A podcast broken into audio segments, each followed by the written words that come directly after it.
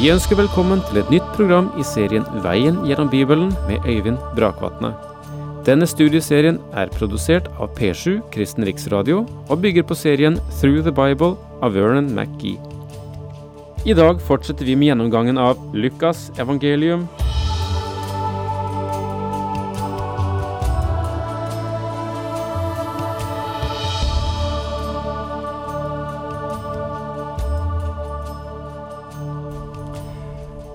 Jeg har tidligere sagt at Lukas har de mange sangene, ikke minst julens sanger, i sitt evangelium. Eh, kanskje vi eh, ikke oppfatter det i den språkdrakten som det får på norsk, at vi her har med sanger å gjøre. Men eh, ser vi på originalspråket, så merker vi jo den lyriske siden av disse sangene. Og eh, noen av dem eh, er utløst av profetisk henrykkelse. Eh, noen av dem er det jo engler som synger. Men i hele tatt, denne lyse, fantastiske tonen som Lukas legger inn i sitt evangelium, løfter jo dette evangeliet opp til, til en særegen høyde, synes jeg, hvis du ser det også fra en litterær synsvinkel. Men der er også mørke sider, og også dem får Lukas med på sin egen uforlignelige måte. Og nå møter vi også her, som i de øvrige evangelier, de synoptiske ikke minst, Matteus og Markus, Jesu fristelse. Og kapittel fire går i første rekke på dette, og eh, smertelige hendelser som fulgte efter det. For dette kapittel fire tar altså opp Jesu fristelser. Deretter får vi høre at Jesus vender tilbake til Galilea og Nasaret og blir avvist i sin hjemby. Og så flytter han sitt hovedkvarter til Kapernaum, og så fortsetter han sin tjeneste derfra. Jesus ble fristet som et menneske av Satan. De var menneskelige fristelser, slike som kommer til oss alle. De dekker hele spekteret av menneskelige fristelser og er trefoldig. For det første, Satan ber Jesus lage steiner om til brød for å tilfredsstille legemets behov. Og det er ikke noe galt med brød. Brød er et av våre fundamentale fødeemner. Legemet har behov for brød, og Jesus sultet. Hva er galt? Å bruke sin veldige makt til å bare tjene seg selv ville være selvisk. Han må demonstrere sannheten i det store prinsipp. Mennesket lever ikke bare av brød. Matteus 4,4. Dette står i grell motsetning til tenkningen i en krass materialistisk tidsalder, der så mye konsentreres om de behov vi har legemlig. Det moderne mennesket i vårt sekulære samfunn sier et, drikk og vær glad, for i morgen dør vi. Og så langt som våre legemlige behov går, så slutter alt der. Selviskhet er forbannelsen i et sekularisert samfunn som har forkastet sine trossetninger. Da Herren møtte denne fristelsen, imøtegikk han verdens populærfilosofi. Og for det andre, Satan tilbyr Jesus verdens nasjoner. Nasjonene utvikler sin makt gjennom brutalitet og politiske intriger. Krig er en livsform Hat og frykt er pisker som skal holde folkemassene på matten. Det kjenner vi vel til i vår moderne terrortid. Dette er satanisk, og Satan tilbyr verdens kongeriker på disse premisser. Mennesket må forvandles for å gå inn i Guds rike. Jesus svarte, sannelig, sannelig, jeg sier deg, ingen kan se Guds rike hvis han ikke blir født på ny. Jesus svar, har et anstrøk av noe endelig. Herren din Gud skal du tilbe, og bare ham skal du tjene. Matteus 4, vers 10. Og så legger apostelen Paulus til, vi lever som mennesker, men vi kjemper ikke som mennesker gjør. For våre våpen er ikke fra mennesker, men de har sin kraft fra Gud og kan legge festninger i grus. Vi river ned tankebygninger og alt stort og stolt som reiser seg mot kunnskapen om Gud. Vi tar hver tanke til fange under lydigheten mot Kristus. Det er 2. Korinterbrev 10, vers 3-5 Paulus sier dette. Og for det tredje, Satan frister Jesus til å kaste seg ned fra tempelets topp. Det kan synes logisk at Jesus ville gjøre inntrykk på mengden når det gjaldt både hans person og misjon. Men Jesus ville ikke følge den lette veien til tronen. Han må bære tornekronen før han kan bære herlighetskronen. En gammel teolog har gitt oss denne spissformuleringen. Der er to måter å fornekte Gud på. Den ene er å overse Hans makt, den andre er å forsøker å misbruke den. Begge er synd. Det er lett å la være å gjøre noe, og så bare bruke fagre ord om at Gud som tar hånd om spurven, han vil også ta hånd om oss. Edward Judson, sønn av pionermisjonæren i Burma, Adoniram Judson, sa en gang da han talte om de lidelser hans far hadde hatt. Om vi lykkes uten å lide, så er det fordi andre har litt før oss.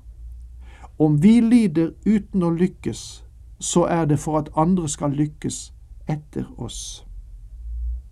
Skal jeg få sitere det en gang til? Om vi lykkes uten å lide, så er det fordi andre har litt før oss. Om vi lider uten å lykkes, så er det for at andre skal lykkes etter oss. Jesus fornektet en falsk åndelighet. Hans svar var knusende. Du skal ikke sette Herren din Gud på prøve. Et sitat fra 5. Mosebok kapittel 6 vers 16. Faktisk begynte Jesus sin offentlige tjeneste i sin hjemby Nasaret, der han ble fornektet og utstøtt. Det var i synagogen her han proklamerte fullbyrdelsen av Jesaja-profetien kapittel 61 vers 1-2 på en bemerkelsesverdig måte. Og så leser vi fra vers 1 i kapittel 4 i Lukas evangeliet. Fylt av Den hellige ånd vendte Jesus tilbake fra Jordan, og drevet av ånden ble han ført omkring i ødemarken, hvor han ble fristet av djevelen i 40 dager. I denne tiden spiste han ingenting, og da de 40 dagene var gått, var han sulten. Det vi har foran oss nå, er den test, den prøve den Herre Jesus Kristus måtte gjennom. De synoptiske evangeliene, altså Matteus, Markus, Lukas, gjengir alle denne prøven. Johannes tar ikke med dette fordi han presenterer Jesus som Guds sønn og legger vekt på hans guddommelighet. De synoptiske evangeliene plasserer vekten mer på den menneskelige side av Jesus. Han ble fristet som et menneske. I Lukas evangeliet blir han presentert som menneskesønnen. I Lukas 3,38 står det sønn av Enos, sønn av Seth, sønn av Adam, Guds sønn. Dette er Marias ettertavle som trekker linjene fra Kristus tilbake til Adam.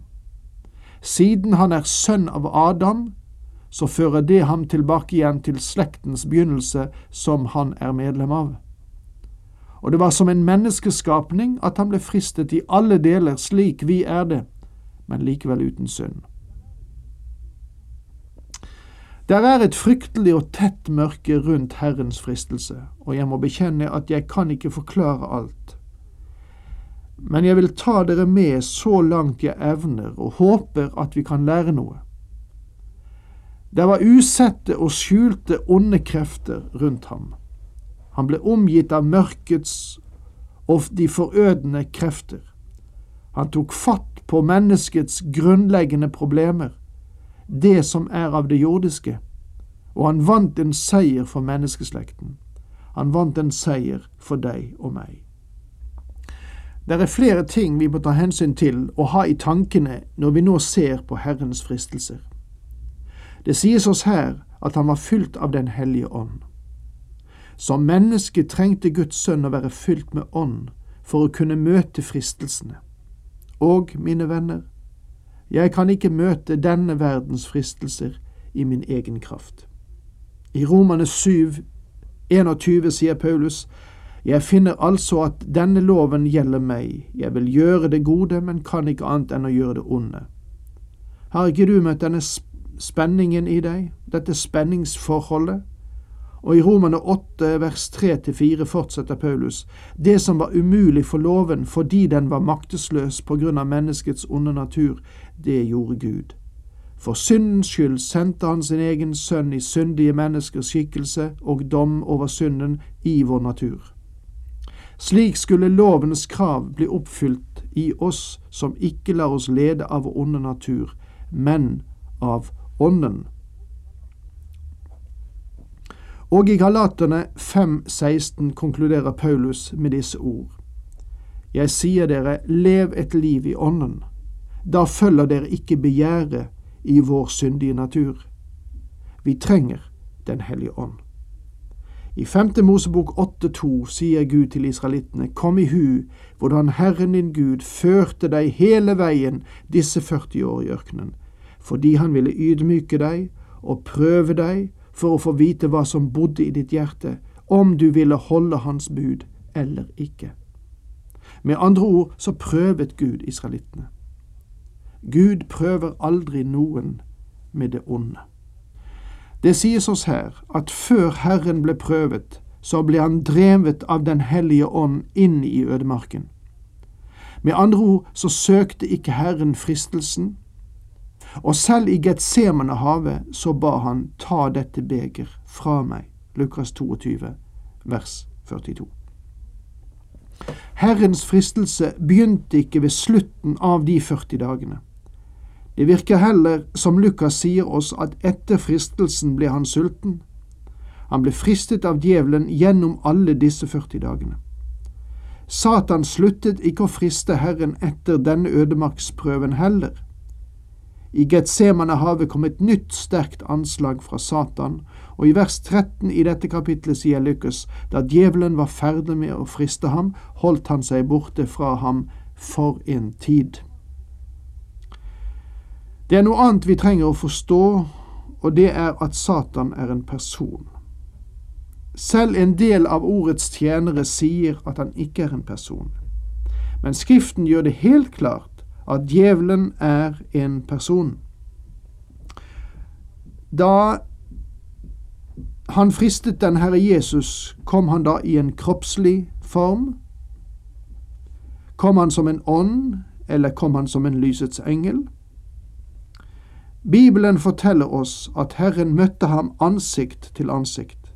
Vi må innse at Satan er en tusenkunstner, en gang er han en brølende løve som søker hvem han kan sluke, og neste gang er han en lysets engel som forfører selv de utvalgte, om han kan få det til.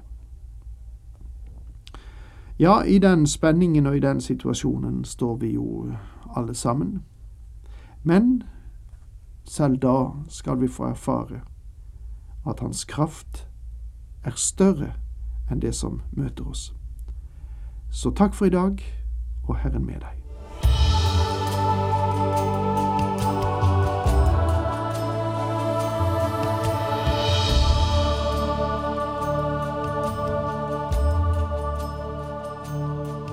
Du hørte Øyvind Brakvatne i studieserien Veien gjennom Bibelen. Serien bygger på et manus av Vern McGee. Har du spørsmål eller kommentarer til programmet, kan du sende en e-post til vgb krøllalfa p7.no. Takk for i dag, og på gjenhør.